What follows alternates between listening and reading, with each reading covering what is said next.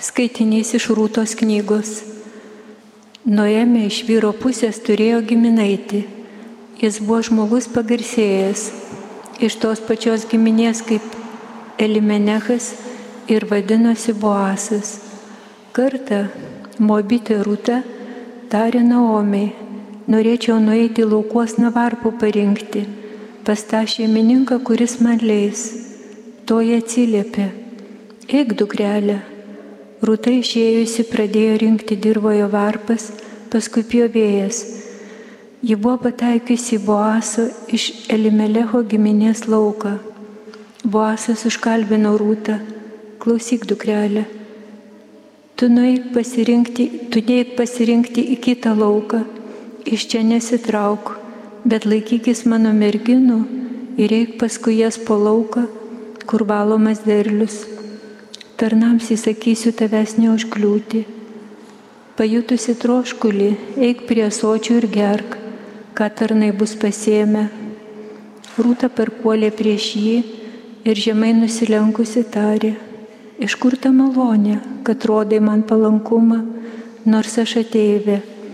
Poasas atsakė, man pranešta visa, ką tu padarėjai savo anytai po jos vyro mirties, kai palikai savo tėvą, motiną bei gimtai kraštą ir nuėjai į tautą, kurios anksčiau nė nepažinojai. Taigi Boasas vedė rūtą ir jam begyvenant su žmona, viešpats taip davė, kad toji pradėjo ir pagimdė sūnų. Tad moteris sakė Noemiai, palaimintas viešpats, šiandieną vėlioniui davęs palikuonį, įdant jo vardas išliktų Izraelyje te būna jis tau paguoda ir ramsti senatvėje, nes jį pagimdė tavo marti, kuri tave myli. Jinai tau vertesnė už septynis sūnus. Nuėmė paėmusi kūdikį, glaudė prie savo krūtinės ir buvo jo auklė. Kaiminės, norėdamos duoti jam vardą, kalbėjo, nuėmė gimė sunelis ir jos pavadino jį obedu. Jis buvo Dovido tėvo Ješajo tėvas. Tai Dievo žodis.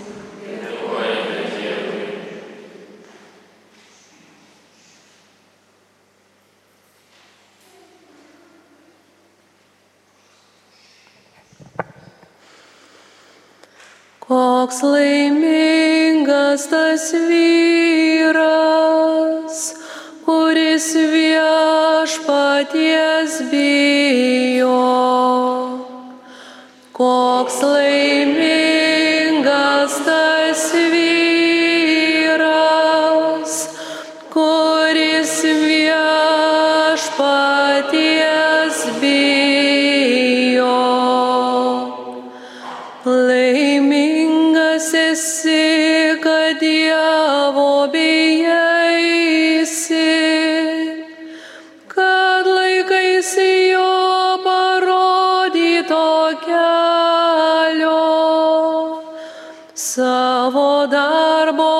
vaisiais maitinsies. Būsi laimingas ir pertekęs visko.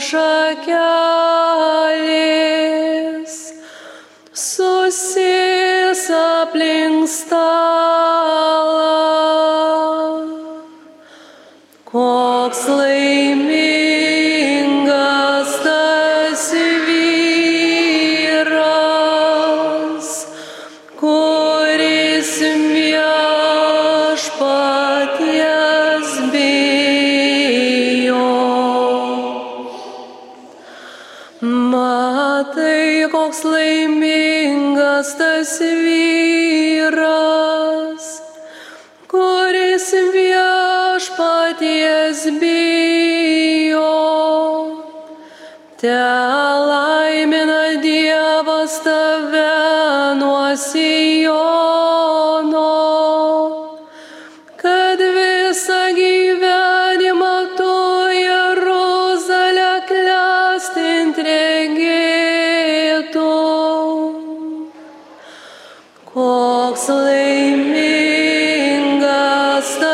tas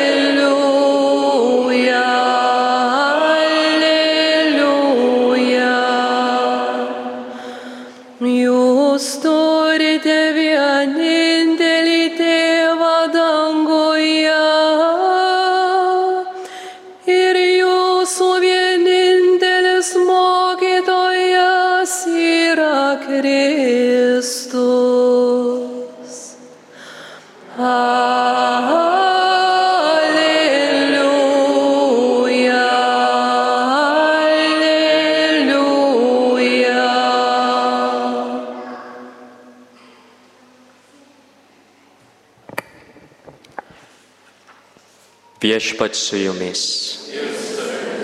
Iš Ventosios Evangelijos pagal Mata.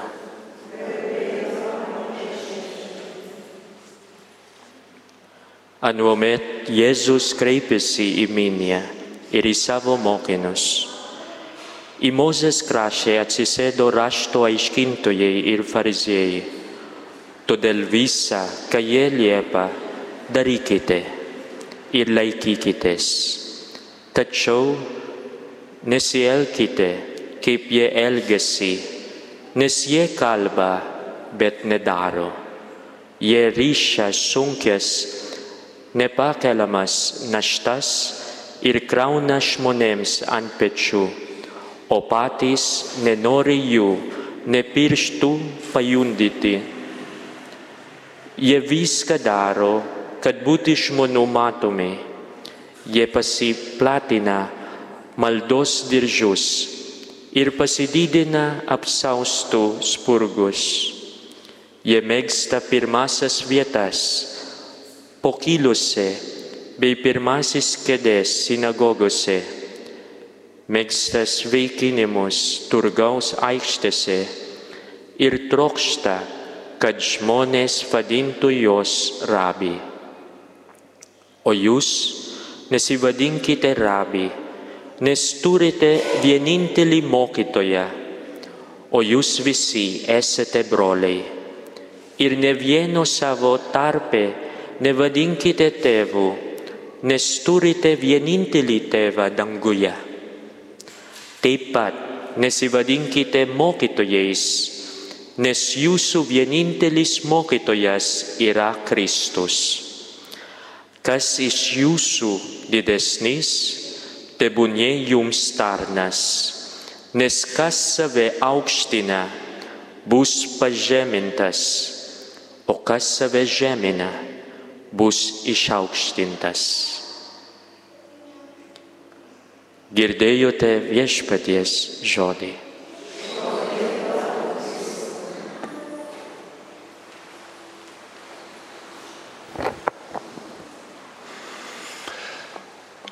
Šiandien su Jėzum įžengėme, arba galime įžengti, o galime neįžengti, aišku, į tokią jautresnę sritį. Jėzus žvelgia į rašto aiškintus ir fariziejus. Į tuos, kurie turi išminti ir turi galę. Išminti ir galę ir, galim sakyti, tam tikrą išaukštinimą, kuris kyla ne iš žmogaus, kuris kyla iš Dievo išrinktumo. Ir Biblijoje mes nemažai galime skaityti, kur Jėzus priekaištauja fariziejams, e, kur ragina na, atsiversti, neapsimetinėti. Mes turime ne vieną vietą, kurioje girdime, kaip rašto aiškinti ir fariziejai na, bando prigauti Jėzų, bando paspęsti jam, jam pinklės dėl to, kad tai, kas kelbė Jėzus ir tai, kaip gyvena, fariziejai tampa nesuderinamų dalykų. Ir štai šiandien Jėzus, kalbėdamas su e, minė, su tais, kurie atėjo jo paklausyti, atkreipė dėmesį į rašto aiškintus ir fariziejus.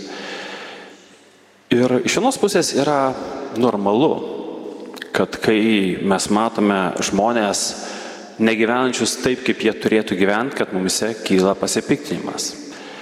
Ir nesvarbu, apie kokius žmonės mes kalbėsime. Mes galime kalbėti, žinau, apie kunigus, apie vyskupus, ne? jeigu, pavyzdžiui, negyvena taip, kaip turėtų gyventi, kad tai kelia pasipiktinimą, kad nenorime su tuo sutikti. Bet lygiai taip pat galėtų ir turėtų kilti pasipiktinimas, jeigu matome, pavyzdžiui, vyrus ir žmonas netaip gyvenančius. Irgi turėtų kilti pasipiktinimas. Tačiau Jėzus šiandien atkreipdamas dėmesį į rašto aiškinus ir fariziejus, tam tikrą prasme daro šiek tiek atskirimą. Jisai nepateisina netinkamo rašto aiškinto arba fariziejų elgesio. Jis nesako, kad, na, čia nieko tokio, nekreipkite dėmesio į tai, kaip jie gyvena. Nes normalu. Normalu ne tik tai, kad rašto aiškinti ir fariziejai, ne tik tai, kad, žinau, kunigai turėtų būti pavyzdys. Bet tiesą pasakius, pavyzdys kitiems turėtume būti kiekvienas iš mūsų. Nes pašaukimas būti pavyzdžiu kyla iš mūsų krikšto. Tai yra iš pašaukimo sekti Kristumi ir panašėti į jį. Taip, su tam tikromis pozicijomis arba su pašaukimu, atrodo, atsakomybė didėja, pavyzdys arba poreikis pavyzdžio jisai didėja. Bet Jėzus jisai savo nesako, čia yra nesvarbu. Ir dėl jų netinkamo elgesio jis juos nekarta šiek kritikuoja. Kitas dalykas, jis atkreipia dėmesį, aišku, į tai, ką kalba. Nes gali būti ir netinkamas pavyzdys, ir dar netinkamas mokymas. Ir istorijoje mes turime ne vieną dėję atvejį, kada Bažnyčios atstovai, hierarchinės bažnyčios atstovai, ar kunigai, ar viskupai staiga sugalvoja skelbti ne Jėzaus mokymą, bet skelbti savo mokymą. Ir istorijoje mes turime na, atskilimus bažnyčioje, atsiskirimus nuo tiesos, kai staiga vienas žmogus nusprendžia, kad jis žino geriau už Dievą, geriau už tą dvasę, kuri pučia kuri įkvepia savo išmintį. Šiuo atveju Jėzus atkreipė dėmesį taip, jie gyvena netinkamai. Ką reikia daryti, jeigu matome netinkamai besielginti vadovą? Pirmas dalykas. Oi, kaip jums gerai, jūs neturit, netur, neturėjot savo gyvenime nei vieno netinkamo vadovo, tai dar nesusidūrėt su tą priežastimi, tai dar neišsiaiškinot, ką daryti. Pirmas dalykas, pats, nu, tamsime elementariausias ir pats svarbiausias, nuo kurio turėtume atsispirti, tai yra malda. Na? Malda už netinkamai besielginti žmogų. Malda vienas. Dėl to, kad manyje kilęs pasipiktinimas nevirstų, nežinau, neapykanta tam žmogui, pavyzdžiui. O dar sustiprintų meilę ieškant, kaip tam žmogui galima būtų padėti. Nes, na, logiškai mastant, kiekvienas žmogus atsistojęs tiesoje ir meilėje turėtų sekti Kristumi. Antras dalykas savaime, aišku, melsis už tą žmogų, kad Dievas pripildytų savo galestingumu, savo meilę ir kad žmogus keistų savo elgesį. O po to jau einame, jeigu reikia toliau e, šnekėti su žmogumi, šnekėtis pasikviečiant dar kažką į pagalbą kaip liudininką, o po to jau einame dar toliau ten bendruomenėje. Ne? Taigi Jėzus atkreipė dėmesį, kad šie nors netinkamai gyvena, bet vis dėlto tai, kas kelbia, tai nėra blogai. Ir jisai prašo nuolankumo, tvirtumo ir šventumo iš žmonių. Labai logiška, žmogiškai prasme, pamatyti netinkamai besielgiantį žmogų ir atmesti viską. Ir patį žmogų, ir tai, ką jisai skelbia. Kartais galbūt reikia. Bet šiuo atveju Jėzus atkreipė dėmesį, kad tai, kas skelbia, iš tiesų yra tiesa. Ir sako, klausykite, Nes tai yra tai, ką nori jums Dievas pasakyti. Tam, kad atskirtume iš tiesų, kada ką mes turime daryti. Kada mes turime tylėti, kada mes turime kalbėti. Kada mes turime išklausyti ir priimti tai, ką sako. O kada pasakyti ne ir elgesiu ir tai, ką sako, tam reikia daug šventosios dvasios. Tam reikia didelio artumo Nes priešingų atveju kiekvienam iš mūsų Jėzus gali priminti tą palyginimą apie rastą ir krislelį. Kito gyvenime, kito akyje, kito elgsenoje. Tas pats dalykas, į kurį pats žmogus gali šiaip numoti ranką arba jo net, taip sakant, net nepastebėti, staiga tampa kažkas tokio labai didelio ir labai baisaus ir galbūt labai netgi atrodo žaidžiančio. Todėl yra svarbu daryti kasdienę sąžinės peržvalgą, todėl yra svarbu eiti dažnai iš pažinties, nes kartais žmonės galvoja, jog iš pažinties dažnai eina didieji nusidėjėliai. Tačiau jeigu paskaitysite na, istoriją, pasaulio istoriją ir bažnyčios istoriją, surasite visiškai priešingą paveikslą. Istorijoje, kai kalbame apie didžiuosius nusidėjėlius arba žmonės, kurie darė baisiausius dalykus, jų istorijoje greičiausiai nerasite ne tik, kad dažnai į tos išpažinties, greičiausiai apskritai nerasite nieko apie išpažinti. Ir priešingai, žmonės, į kuriuos mes žvelgime su susižavėjimu, kuriuose taip ryškiai sužibėjo Dievo šviesa, šventumas, nuolankumas, mes rasime liudijimus apie dažną išpažinti ir apie aktyvų darbą su savimi. Sutikite, kad geriausia pagalba kito žmogaus atsivertimui yra pirmiausia mano šventumas. Yra mano gyvenimo būdas. Mano ėjimas kartu. Čia panašiai kaip na, šeimoje. Teveliai, kai vaikas na, netinkamai elgesi. Kantriai, kartais galbūt ir sukandė atrodo dantis, su skausmu, neapleidžia vaiko ir eina visą laiką šalimais. Bando liudyti ir vėl, ir vėl, ir vėl. Kaip būti mylinčiais, kaip būti kantriais, kaip būti atleidžiančiais, kaip dovanoti, kaip priimti, kaip dėkoti. Esate girdėję mano psichologų pasakymą. Vaikai negirdi, ką jūs sakote, neretai, bet labai gerai mato, ką jūs darote. Ir taip yra visur. Esame arba esame pašaukti būti tais pavyzdžiais. Ne vienas iš mūsų nesame tobulas pavyzdys. Bet kiekvienas, nepriklausomai nuo amžiaus, nepriklausomai nuo pašaukimo, visą laiką nori gauti antrą šansą, visą laiką nori būti priimtas arba priimta visą laiką nori sutikti žvilgsnį, kuris žiūrės meilę, o ne pasmerkimu. Ir šioje situacijoje, kai Jėzus sako, klausykite, ką jie sako, nes tai, ką jie sako, yra gerai, jis skatina taip žiūrėti žmonės į fariziejus. Kas bus iš to, Jeigu matydami netinkamą fariziejų rašto aiškintojų elgesį žmonės užkietins širdį. Kas labiausiai nuo to, nuo to nukentės? Fariziejai?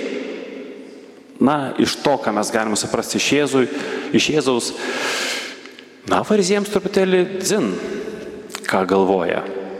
Nu, čia prasme. Jiems svarbi pagarba, bet jie turi savo žvilgsnį. Dėl to labiausiai nukentės pats žmogus.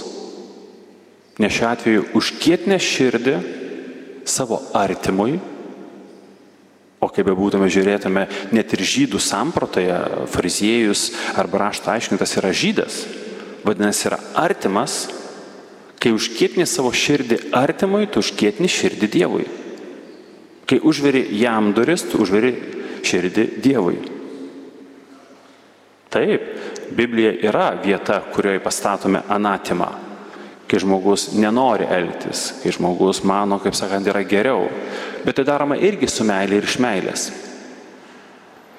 Dievas kviečia šauktis mūsų šventosios dvasios, kad galėtume būti jos pripildyti ir turėtume iš, užtektinai išminties, patarimo, drąsos, stiprybės ir ypatingai Dievo baimės teisingai priimti sprendimus, teisingai žvelgti į pasaulį ir teisingai iš tiesų liudyti tą šventumą. Geriausias pavyzdys yra Jėzus, kuris kabodamas ant kryžiaus, atmestas, nuplaktas, pasmerktas ir prikaltas, vis dėlto sugeba žvelgti į savo budelius, į tuos, kurie iš jo tyčiojasi Sako viešpatė atleisk jiems, nes jie nežino, ką daro. Jėzus nepraranda vilties.